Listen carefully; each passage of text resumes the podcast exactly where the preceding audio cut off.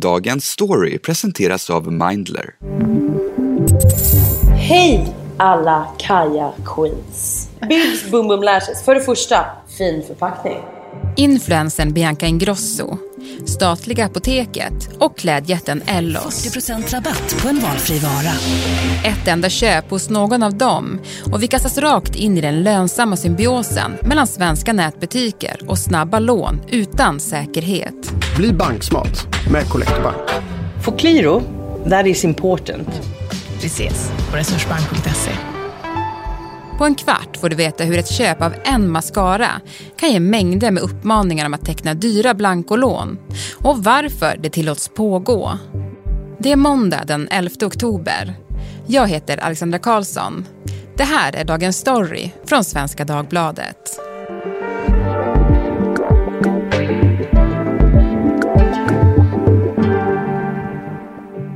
Sara Brännström och Erik Wisterberg, reportrar på SvD Näringsliv som har gjort granskningen Kreditkriget.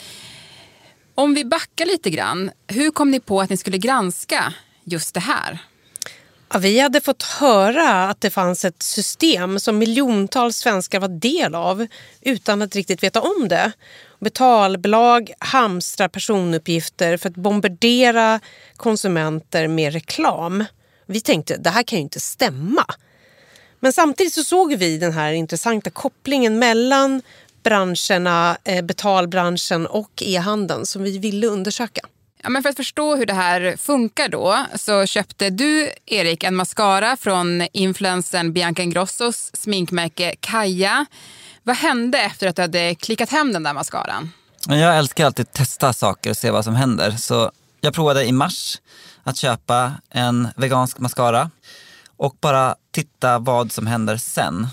I kassan hos Kaja Cosmetics så stötte jag på det här betaltjänstbolaget Qliro och jag valde då att betala min mascara med deras faktura. En sån här gratisfaktura som gör att man kan få varan först och betala sen. Smidigt. Det dröjde bara några dagar eller någon vecka innan det första låneerbjudandet från Qliro kom efter det här köpet. Och där stod det någonting i stil med att 80 000 har redan ansökt. Du kan också ansöka om lån här hos oss. Och sen skulle det komma totalt 18 stycken sådana här erbjudanden om blankolån från Qliro till min mejlkorg. Och, och vad är det för typ av lån? Det kallas ju blankolån, vissa kallar dem konsumtionslån. Det är alltså lån utan säkerhet till en ränta som är betydligt mycket högre än till exempel bolån. Och du hade valt, eh, du hade klickat i att du ville bara betala senare, du ville inte betala på avbetalning, du ville bara betala produkten när du väl fått den. Det var det du hade klickat i. Precis, och det är det de här betaltjänsterna trycker på. Att det är sån trygghet för mig som konsument att kunna få varan först och se att den kommer till mig, att den är där den ska och sen kan jag betala helt gratis då, en sån här 14 dagars faktura. Och att de gör så här, är det en uttänkt strategi från eh, Qliros sida då i det här fallet? Absolut. Bolaget har ju också berättat om de ekonomiska fördelarna som den här modellen ger dem. Bland annat så syns det i deras börsprospekt. Och det är alltså så här, miljontals svenskar som handlar i nätbutiker som har Qliro hamnar då i deras databas. Kunden kanske bara tänker att den är kund hos Kaja. Men när man har klickat i Qliros villkor då, då räcker det här köpet för att man ska bli en Qliro-kund. Och vad tjänar de på det här då?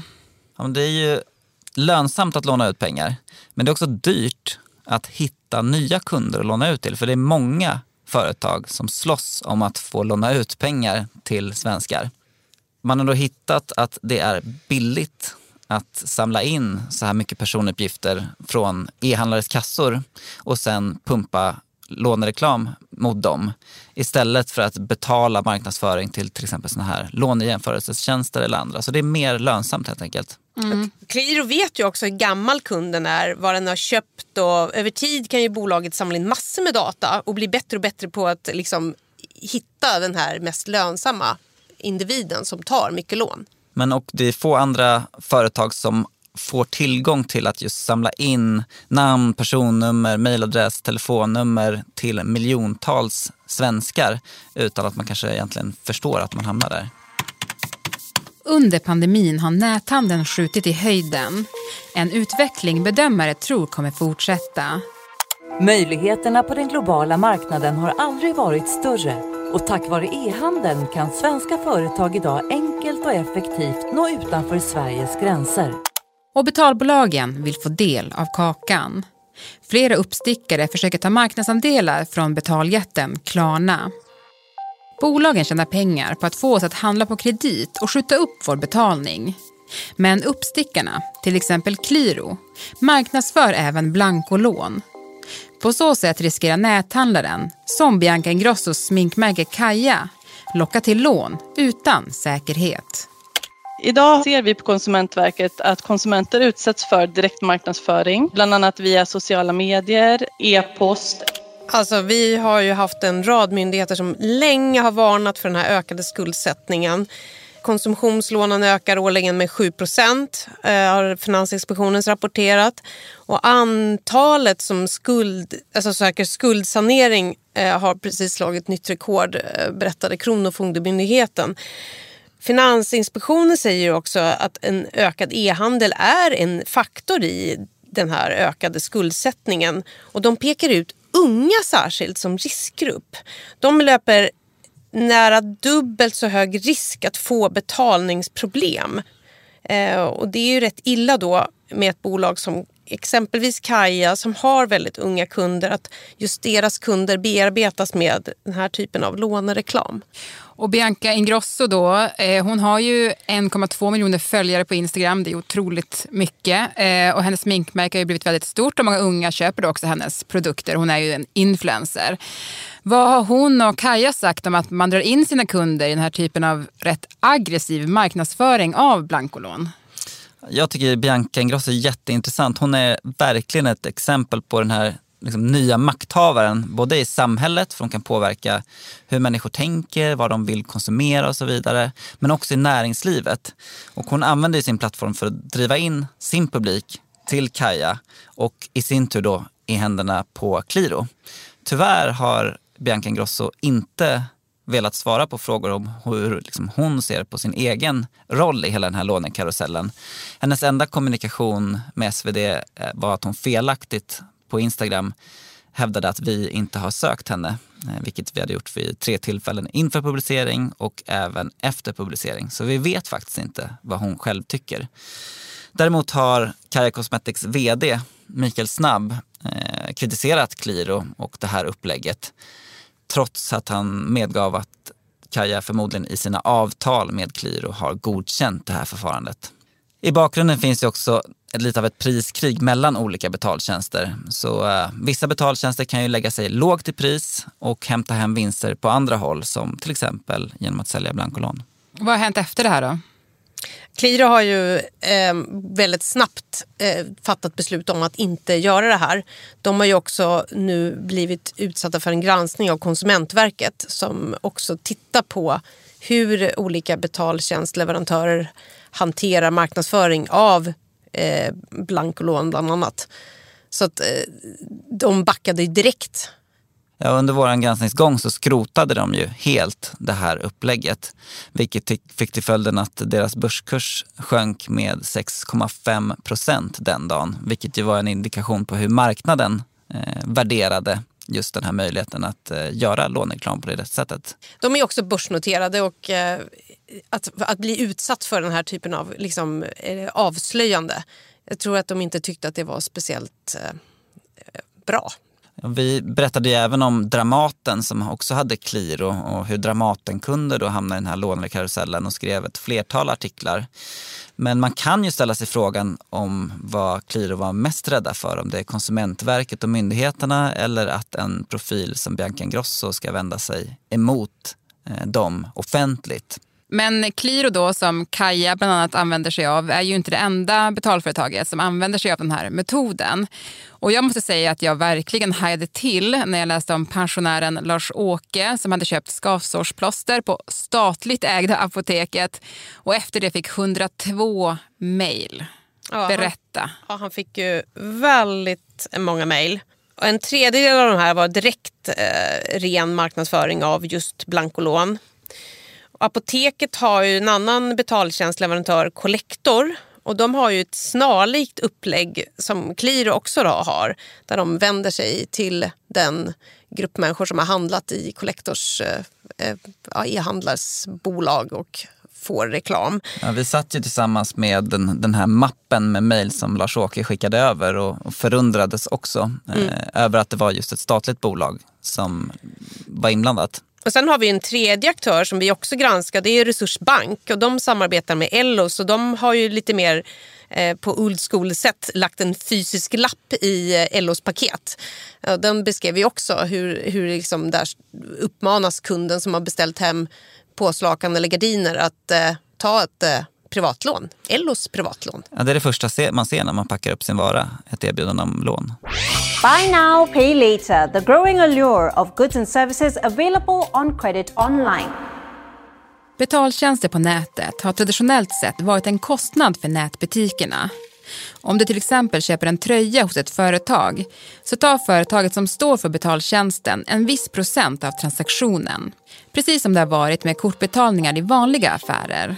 Nu har vissa betalbolag försökt vända på det här och marknadsför sig istället som en möjlig intäktskälla för nätbutikerna. Om kunden väljer en delbetalning, alltså skjuter upp betalningen för sitt köp och då betalar ränta för det, får nätbutiken en del av intäkterna som uppstår från den krediten. Sen finns det också de här blankolånen och våra källor säger ju att det är ett litet priskrig på betaltjänster just nu så att de eh, kan sänka transaktionsavgiften mot e-handlaren vilket då blir en mindre kostnad för dem och istället eh, hämta in intäkterna med hjälp av blankolån. Och då blir det så här att om man använder ett sånt företag så kommer de skicka 102 mejl med olika lånemöjligheter. Det kan ju uppenbarligen bli åt det hållet och det som förvånade oss var ju att företagen som vi kontaktade eh, sa ju ofta att de verkade inte riktigt känna till omfattningen av det här trots att de själva skrivit på avtalen med de här betaltjänsterna. Men eh, när jag har läst eh, de här granskningarna som ni har gjort, då har jag känt att det här känns, alltså det är lite uppseendeväckande. Och man frågar sig lite grann, men det här, är det här lagligt? Och det är det, eller? Vi vet ju inte exakt om, om det är olagligt eller inte. Det finns ju en del saker som borde prövas. Eh, och eh, vi har ju hittat liksom delar i de här avtalen som man kan tänka sig att myndigheter också börjar granska. Men jag tycker också att huvudfrågan är så här, är det lagligt under GDPR som har beskrivits som världens mest omfattande integritetsskyddslag som ju finns i Sverige. Är det då lagligt att hamstra personuppgifter på miljontals svenskar, lägga dem i en stor databas och sen pumpa blankolånsreklam på dem bara för att de har handlat på butiker på nätet. Och det frågade vi Integritetsskyddsmyndighetens jurist och hon sa ju helt kort att det vet vi inte för det har inte prövats än. Det finns alltså ingen praxis här.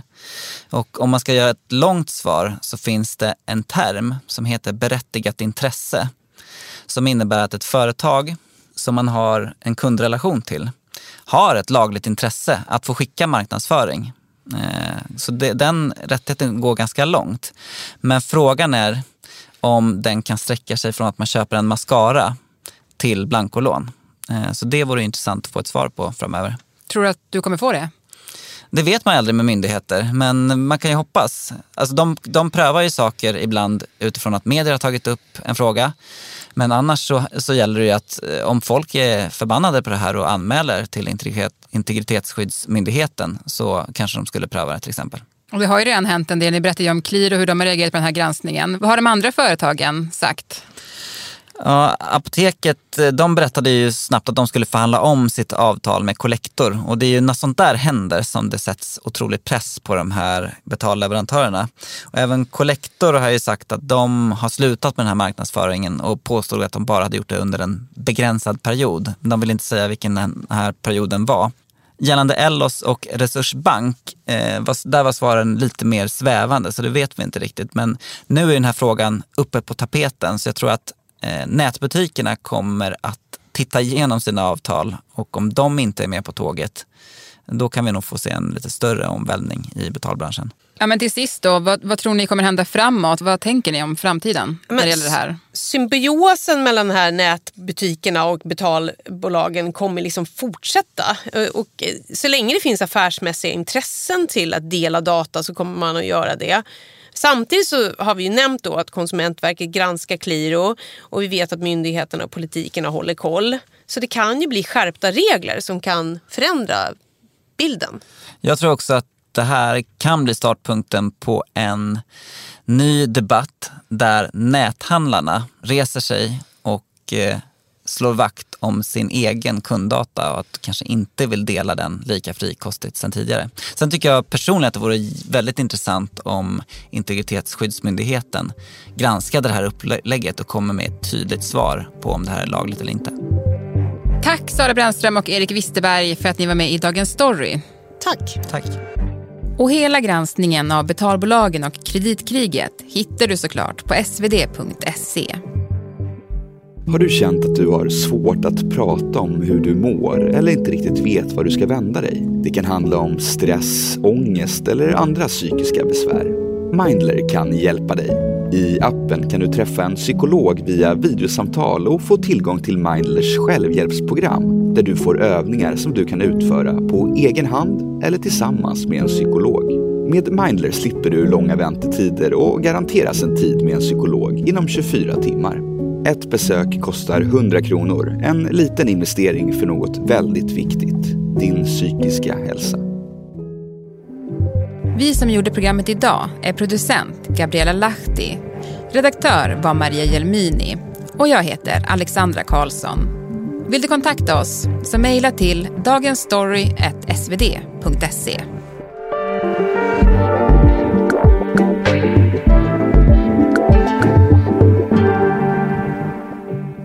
Klippen i dagens avsnitt är hämtade från Expressen, BBC, Regeringskansliet, Ellos, Kaja Cosmetics, Finansinspektionen, Collector Bank, Qliro och Resursbank.